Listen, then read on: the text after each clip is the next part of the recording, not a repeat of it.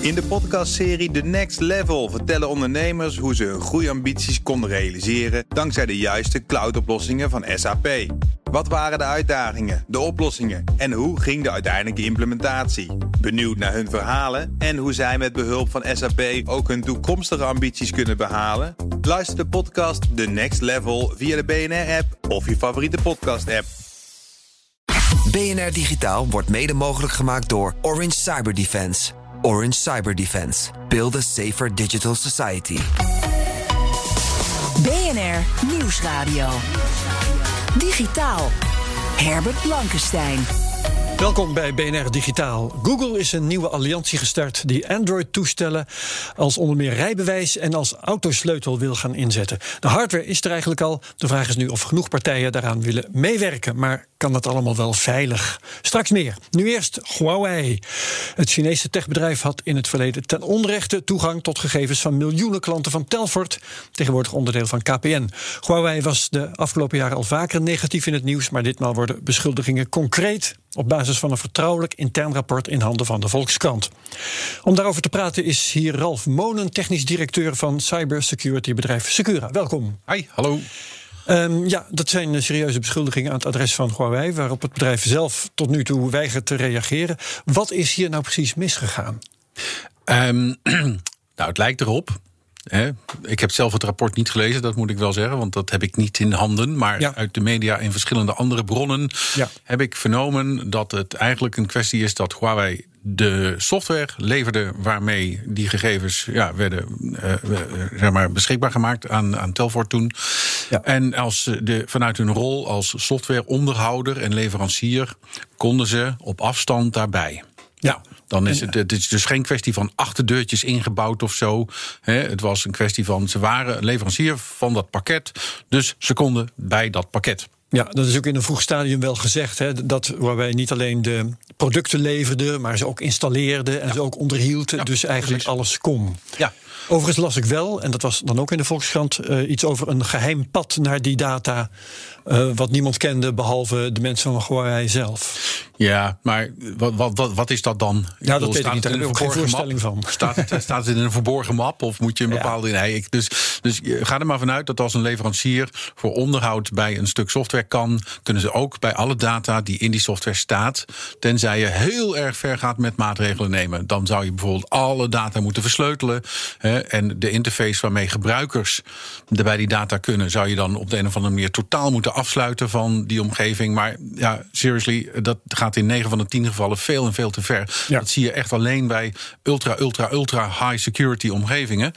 Um, dat, dat die scheiding gemaakt wordt. En dit gaat, ja, sorry, slechts om een beetje persoonsgegevens met wat facturatiegegevens. Ja. Het is dus niet zo dat daar de gebruiksgegevens van de gebruikers, hè, dus de websites die bezocht zijn, misschien via hun Telfort-abonnement, of die de nummers, zijn. die gesprekken die ze gevoerd ja. zijn, de nummers die ze gebeld hebben, daar gaat het niet om. Daar dus, gaat het niet om. Dus eigenlijk om heel eerlijk te zijn, vind ik het een beetje klein bier. Het gaat ja. om een paar e-mailadresjes en namen. Behalve dan dat uh, tot nu toe altijd gewaarschuwd is van mm -hmm. goh, wat zouden die Chinezen allemaal uitspoken. Ja. Uh, is dit uh, niet het, de eerste keer dat duidelijk wordt dat er ook werkelijk gegevens zijn weggehaald door die jongens?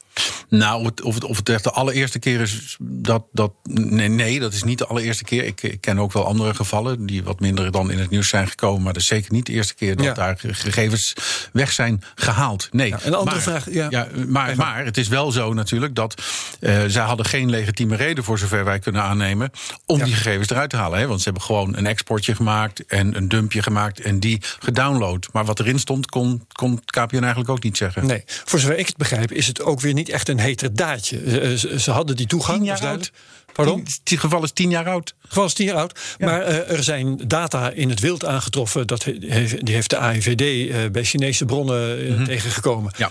Uh, die overeenkomen met de data van Telfort. Ja. En wij komt daarbij. Ja. Maar dat is nog niet uh, hard wiskundig bewijs dat zij het ook weggehaald hebben en gebracht hebben bij waar de AIVD het heeft aangetroffen. Nee, nee dat klopt inderdaad. Dat kan ook uit andere bronnen komen. Hè. Um, en vaak zijn het toch, ja, het is, het is een digitaal bestand. Hè, dus ja. hoe vaak wordt dat dan gekopieerd? Dus hoe zeker weten we dat zij het gedaan hebben? Nee, ja, niet. niet nee, dat weet okay. je niet zeker. Nee. Um, maar kijk, er is een groot verschil, vind ik tenminste, tussen een, een, de, de discussie die er was, namelijk kun je Huawei vertrouwen om apparatuur te plaatsen in onze telecomnetwerken, Ja. waarmee de, de telecomnetwerk opereert. En zijn we dan bang voor achterdeuren daarin? Versus, hey, ze hebben toegang tot een applicatie en ze kunnen daar gegevens uithalen. Vind ik, vind ik een vrij groot verschil. Eh, in het ene geval ben je in een operationeel netwerk via een, een volledig geheime achterdeur. Daar ben je bang voor, die in die apparatuur ingebakken zit. Hier wist je dat ze erbij konden. Want je hebt ze ingehuurd om dat te doen. Ja, Eh, en het is dan ook, eh, dat mag je wel zeggen, plausibel dat Huawei hier een rol heeft gespeeld. Ja, dat zeker. Ja, ja, absoluut. Ja, ja, zeker. Maar dat is nogmaals, dat is met alle leveranciers die op afstand eh, ergens bij moeten kunnen om eh, beheer te plegen. Zeker. we hebben in Nederland ook telecomnetwerken waar Huawei apparatuur staat, waar ook eh, zeg maar op afstand beheer wordt gepleegd. En niet alleen Huawei, we hebben die apparatuur ook van andere Chinese leveranciers, zoals ZTE, hebben we ook staan, ook in telecomnetwerken in Nederland. Dus mijn vraag is dan, ehm, is dit een incident of hebben we hier een symptoom, symptoom te pakken van iets groters? Een rode vlag, om het maar even... Nou, wij, wij, wij waarschuwen eigenlijk altijd al tegen dit soort remote toegang op afstand door leveranciers waarmee je misschien een wat minder vertrouwenswaardige relatie hebt. En ehm, dat, dat geldt niet alleen voor Chinese leveranciers, maar er zijn ook heel veel andere leveranciers die te veel toegang hebben tot je gegevens. En dat is eigenlijk dezelfde discussie als speelt met Google en Microsoft. Ja, Microsoft zegt ook van zet het maar bij ons in de cloud, maar, want wij kunnen er niet bij, het is jouw data. Nou ja, dat, hoe waar dat is dat zij er niet bij kunnen. Nee, ze mogen er misschien niet bij, maar technisch gezien kan het vaak wel. Ja, en die discussie hebben we hier ook wel vaker gevoerd. Eh, moet je alleen bang zijn voor Chinezen of misschien toch ook een beetje voor de Amerikanen? Ja. En vanuit security oogpunt, ik denk dat jij een van degenen bent die dat hier ook wel eens eerder heeft gezegd, eh, moet je eh, ook eh, een beetje oppassen met Amerikanen. Het zijn niet alleen Amerikanen, het gaat ook om Engelsen. Het gaat eigenlijk om alle buitenlandse mogendheden die een informatiepositie in jouw land willen verwerven. Dus ehm, eh, eh, het gaat er alleen om. Mm, Welke landen gun je dat meer dan andere landen? En meestal zeggen we dan onze handelspartners of, of landen met wie we sowieso een vriendschappelijke band hebben, relatie. Daar zijn we dan wat minder kritisch op. Ja. Hè, maar dus dan kun je een schaal aanleggen met Europese landen bovenaan en dan Amerika ergens in het midden en Aziatische landen Ja, precies. En, en, en, en we hebben natuurlijk eh, in de, in, in de halverwege heb je Iran liggen en, en Israël. Vlak Israël ook alsjeblieft niet uit. Want Israël heeft eh, natuurlijk een reputatie op dat gebied, ook in Nederland. Want, Wat eh, eh Huawei betreft, ehm, in 2019 is al besloten dat ze niet aan de gevoeligste delen van dat 5G-netwerk mogen komen. Eh, mogen wel onderdelen blijven leveren. Is dat lek dat we dan hier bij KPN hebben vastgesteld, is dat daarmee boven? Nee, dat heeft daar heel weinig mee te maken. Want dat eh, waar je nu aan refereert van die onderdelen, dat gaat over 5G-netwerken. En dit is een zaak van tien jaar geleden. Ehm, dus nee, nee dat, dat, dat lek. Dat, dat is daar niet mee boven.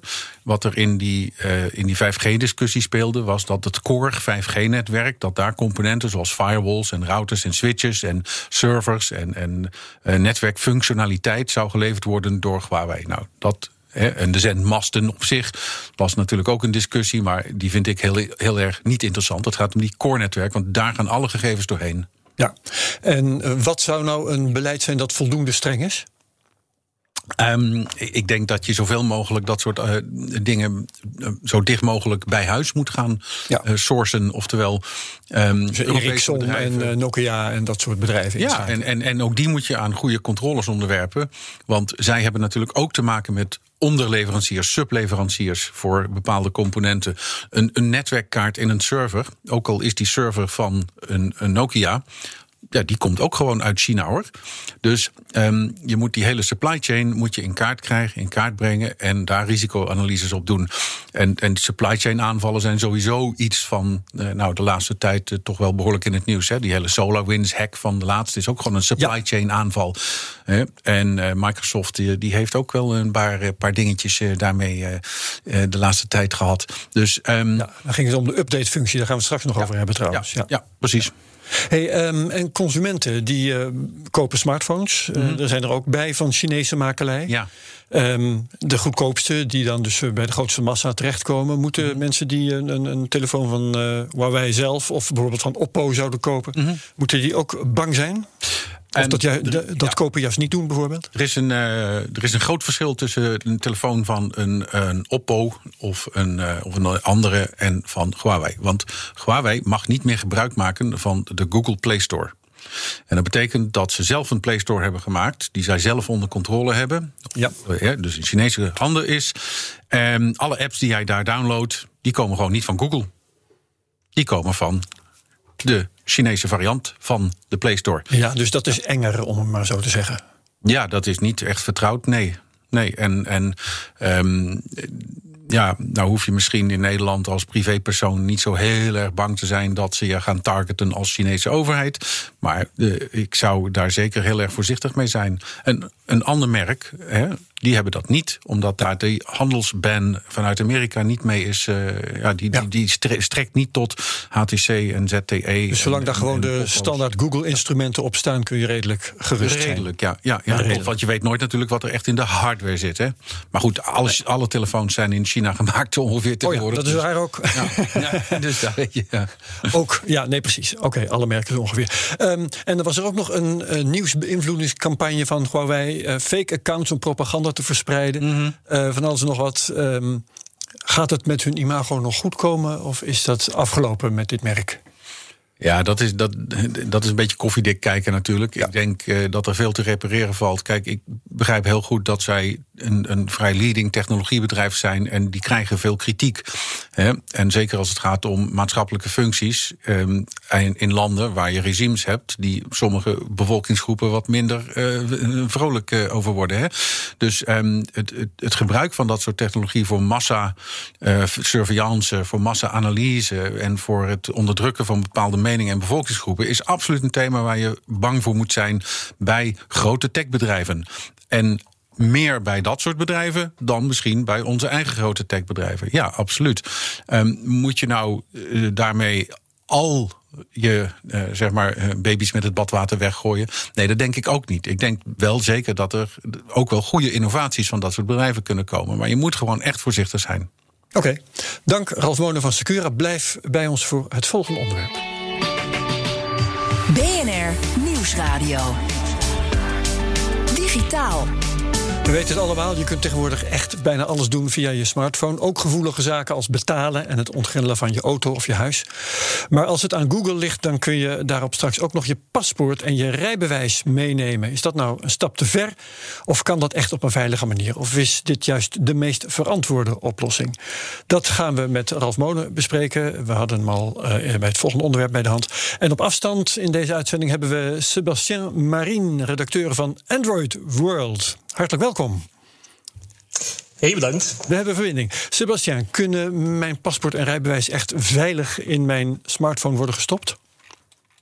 Uh, ja, dat is eigenlijk wel mogelijk. Uh, eigenlijk dankzij een nieuwe uh, Android Ready SE Alliance die gevormd is. Dat is een, een heel moeilijke term voor eigenlijk een, een groep van mensen die samen gaan werken, verschillende fabrikanten van, van Android smartphones ook, om het veilig te maken met, aan de hand van beveiligde chips in onze smartphones. En er zijn al bepaalde merken, Google Pixel telefoons hebben het al zo'n chip, sommige toestellen van Samsung hebben het zo'n chip. En met die chip wordt het dus veilig een afgezonderde omgeving krijg je om te communiceren, um, inderdaad, op die manier. Ja, oké. Dus je noemde SE, die Alliance, dat staat voor Secure Element. En dat is die, die chip wat jij, die jij bedoelt, waar dat paspoort dan bijvoorbeeld in wordt opgeslagen. Ja, inderdaad. Er zal nog heel veel nodig zijn, natuurlijk ook op, op Europees vlak, om uh, samenwerkingen te creëren uh, hier rond, om uh, het mogelijk te maken. maar er wordt nu dus concrete toepassingen gevormd door alle, alle, belangrijke spelers in de industrie. En er begint dus echt vordering te komen. Ja, en sommige smartphones hebben dat nog niet en andere wel. Dat, dat zei al, Ralf. Ben jij mhm. een voorstander van deze ontwikkeling, het opbergen van dat soort documenten in je smartphone? Um, ik denk dat het heel erg uh, nuttig kan zijn. Ik denk dat het gebruiksgemak ook heel erg hoog is. Um, en ik denk dat het onder voorwaarden ook, uh, ook veilig kan. Ja, en er wordt een, uh, een standaard genoemd, Secure Element. Mm -hmm. Is die veilig, dat jij weet? Nou, een, een, Secure Element in het algemeen is een, is een, is een vorm van een, een, een beveiligde enclave in je telefoon. Hè. Die zit op een chip en die chip is beveiligd hardwarematig. Wat wat, zijn, wat moet je dus aan denken? Nou, als iemand probeert om die chip open te maken, letterlijk, hè, dus openmaken, om daaruit de geheimen te halen die erin zitten, nou, dan zitten de sensoren op. Bijvoorbeeld, die zien dat er licht binnenkomt, wist hij alles. Die, er zit een, er zit, Oh, een, er ja, zit ja. een fysiek traliewerk overheen. En als er één dingetje doorbroken wordt, het is net een alarmsysteem, wist hij zichzelf. Eh, er zitten temperatuursensoren op, er zitten stroomspanningssensoren op. Dat als je rare dingen gaat doen met de stroom en de spanning, dan wist hij zichzelf. Dus er zit, er zit heel veel hardwarebeveiliging in. Het is net een soort Fort Knox, waar je dus die cryptografische sleutels in opslaat. Alle iPhones hebben het ook al lang. Hè? Dus de Secure Enclave, waar je dus de eh, encryptiesleutels van je geheugen van je telefoon in opslaat. Nou, dat, dat concept kun je ook prima gebruiken om andere sleutels in op te bergen. Inclusief je nou ja, paspoort, autosleutel en misschien ook bankgegevens. Ehm, je moet alleen wel oppassen dat dat natuurlijk goed getest is, goed eh, ontworpen is. En dat het niet zo is dat je met een simpel appje strakjes al die eh, geheimen eruit kunt trekken. Ja, precies. En eh, we hebben het nu over paspoorten, maar eh, met autosleutels eh, gebeurt dat eigenlijk ook al. Mhm. Ehm, kun jij me uitleggen hoe dat werkt in het geval van autosleutels? Dan gebruik je een, een door de fabrikant geleverde app, geloof ik, hè? In Ehm, de meeste gevallen. Ja, ja kijk, ik, ik rij zelf een Tesla en daar, daar is, gaat het met Bluetooth. Hè, en daar zit het niet in een secure element of een enclave, maar dan is er een stukje software. En die genereert elke keer een nieuwe code en dat is gekoppeld aan mijn telefoon. Nou, het werkt hartstikke handig. Ik hoef mijn sleutels niet mee te nemen. Als zodra ik in de buurt ben van mijn auto, kan ik erin, kan ik hem starten, kan ik wegrijden. En Eh, als ik je hier mag onderbreken, want ik Ja. denk altijd, eh, ik ben maar goed af. Ik heb gewoon zo'n sleutel die ik uit mijn zak trek en ik druk op één knopje. Zou ik het met mijn smartphone moeten doen, dan trek ik die uit mijn zak. Dan moet ik hem. eh, nee, die hoef eerst- je niet uit je zak te trekken dus. Hij, hij, oh, hij voelt gewoon de nabijheid van Ja, die telefoon. ja, Zo, oh, oké, oké, dat had ik even gemist. Je hoeft nergens op te drukken. Je bent gewoon in de buurt en je kunt wegrijden. Dat is een stuk minder werk. Ja, nee, oké. dat is heel, heel, heel gemakkelijk is dat. En, en eh, kijk, ehm, je moet natuurlijk wel hè, eh, rekening houden met het feit dat als zo'n sleutel gekopieerd zou kunnen worden uit het geheugen van een telefoon of anderszins, uit die chip, ja, dan, dan is die auto misschien wel een aantrekkelijk object om te jatten. Ja. Dus je moet meer maatregelen treffen dan alleen zo'n secure enclave. Ja. En in het geval van auto's moet je bijvoorbeeld rekening houden met eh, eh, nou, Find My Vehicle, hè? dus de, de tracking functionaliteit. Want de reden dat auto's minder gestolen worden, de, de belangrijkste reden dat ze minder gestolen worden, is bijvoorbeeld dat ze zo'n tracking systeem hebben. Vorig jaar zijn er maar vier Tesla's gejat in Nederland. Kijk, Dus- ik weet niet hoeveel er verder rondrijden, maar dat klinkt als heel Nou, weinig. als je hier zo rondkijkt, dat zijn er Ja, heel je ziet ze veel. wel voorbij komen. Ja. Hier op de Wieboudstraat. Ehm Sebastien, eh, wat moet je nou doen als je je telefoon in zo'n geval fysiek kwijtraakt? Hè? Of als die gestolen wordt. Eh, je kunt je telefoon op afstand resetten, maar ehm, de criminelen hoeven nog maar in één zak te graaien en ze hebben al jouw identificatiemiddelen. Ja, dat is inderdaad. eh, het is eigenlijk volledig vergelijkbaar met de manier waarop je een creditcard eh verliest. Je kan eigenlijk volledig de, toe- de toegang eigenlijk, eh, ontzeggen tot je auto. Dus als in je auto zitten, ik weet niet of het effectief een toepassing zal zijn, maar het is wel volledig theoretisch mogelijk dat, eh, stel nu dat ze inderdaad met je telefoon aan de haal gaan, ze zitten in je auto, ze rijden weg, wie weet naar waar, dat eh, op dat moment zelfs eh, je de toegang ontzegt en dat ze zelfs eigenlijk vastzitten in je auto. Is zelfs theoretisch gewoon mogelijk, want je kan het van op afstand doen. Dus vanaf bepaalde opzichten kan het zelfs effectief nog veiliger zijn dan de huidige fysieke sleutels, waarmee ze eigenlijk alles gewoon kunnen. Ja, ik begrijp zelfs dat je je auto kunt uitlenen of verhuren door iemand eh, anders een digitale sleutel toe te sturen. Leg dat eens uit. Ja, inderdaad. Er zijn eigenlijk heel veel ook voordelen op het vlak van commerciële eh, activiteiten mee. Zeker ook als je nu ziet met het thuiswerken. Als we veel meer gaan thuiswerken na de coronacrisis, ja, dan gaan we veel minder auto's nodig hebben. En het voordeel daarvan is, dan kan je gewoon met leenauto's gaan werken. Je moet geen fysiek sleutel meer toesturen. Eh, je krijgt gewoon de toegang eh, met je smartphone. Je moet inderdaad maar in de nabijheid zijn om die te ontgrendelen, om daarna nog eens de motor te starten. Dus dat is eigenlijk heel handig als het op commerciële toepassingen gaat. Ook als je bijvoorbeeld je auto wil ver- verhuren aan iemand of, of eh, je wilt hem verkopen aan iemand, je hoeft maar gewoon eh, die andere persoon de toegang te geven. En daar is het wel belangrijk, inderdaad, dat je met die standaarden zit. hè. Dus dat je wel, stel nu je wil je auto verkopen, tweedehands, ja, die andere persoon heeft een iPhone, ja, dan wil je natuurlijk ook gewoon, als jij een Android-telefoon hebt, dat die jouw auto kan kopen en de sleutel kan overnemen. Ja. Alzo natuurlijk fysieke sleutels en de digitale sleutel nog wel een tijd lang gewoon naast elkaar blijven bestaan. Ja. Daar hoeven we zeker ook nog niet voor te vrezen dat dat allemaal zo snel zal gaan. Nee, nou ja, ik wou net een vraag stellen in die richting, misschien even aan Ralf. dit klinkt als geweldige toys voor de boys. Mm En types als jij en ik vinden dat leuk en hebben dat snel onder de knie. Maar dat geldt misschien niet voor iedereen. Of ben ik dan te negatief? Um, nou ja, ik denk dat. Kijk, allereerst is het zo dat je altijd een fysiek token zult moeten hebben, of het nou een sleutel is of een pasje, om alsnog die auto in te komen. Want telefoons kun je zelf kwijtraken, batterij kan leeg zijn. Hè. Je moet een backup mechanisme hebben om er alsnog bij te kunnen. Ja. Dat ten eerste. Um, en dat je daarnaast dus dan, als je een smartphone hebt, daarmee die extra functionaliteiten kunt unlocken. Ja, nou, dat is alleen maar fijn. Dus ik denk dat het vrij snel gemeengoed zal gaan worden. Ik, ik verwacht dat dat ergens dit jaar nog wel zal gaan gebeuren. Um, het tweede aspect, wat ik toch ook even, eh, eh, even wil zeggen, is dat voor heel veel van die functies, en dan heb ik het niet even over de auto, maar bijvoorbeeld voor zo'n paspoort of voor bankzaken, moet je die telefoon wel geunlocked hebben. En dat is natuurlijk een beveiligingsmaatregel die, die ook heel sterk is. Want die, uh, zeg maar, je vingerafdruksensor en je gezichtssensor... die zijn zoveel beter geworden over de afgelopen tijd... dat het echt tamelijk lastig is om op dit moment in een Android of een iPhone-toestel te komen... als jij niet die persoon bent. Ja, oké. Ehm, even terug naar Sebastien. Um, je noemde al die Android uh, eh, SE Alliance. Wie zitten daar op dit moment bij? Welke fabrikanten? Wel, dat zijn eigenlijk verschillende fabrikanten uh, die de Secure Elements zelf maken in de eerste plaats. Dan is er natuurlijk nog Google, uh, die natuurlijk het Android-besturingssysteem uh, eigenlijk beheert. En natuurlijk de fabrikanten die die telefoons maken. Dat is, een heel, dat is heel, natuurlijk een heel belangrijke zaak voor Android in het bijzonder, want je hebt niet één fabrikant die de toestel maakt. Dus dat is eigenlijk een heel belangrijk clubje uh, van fabrikanten van belangrijke industriespelers. Het is ook de bedoeling dat het echt in het Android-besturingssysteem zelf wordt gebouwd. Dat het met losse apps meer gaat werken. Want ja, het nadeel daarvan is, je gaat er altijd wel eentje hebben die uh, zo lekker als een mandje is of waar je andere problemen mee kan hebben. Dus dat is ook een belangrijke stap, dat het vanuit één uh, tool is die, die voor alle toestellen werkt.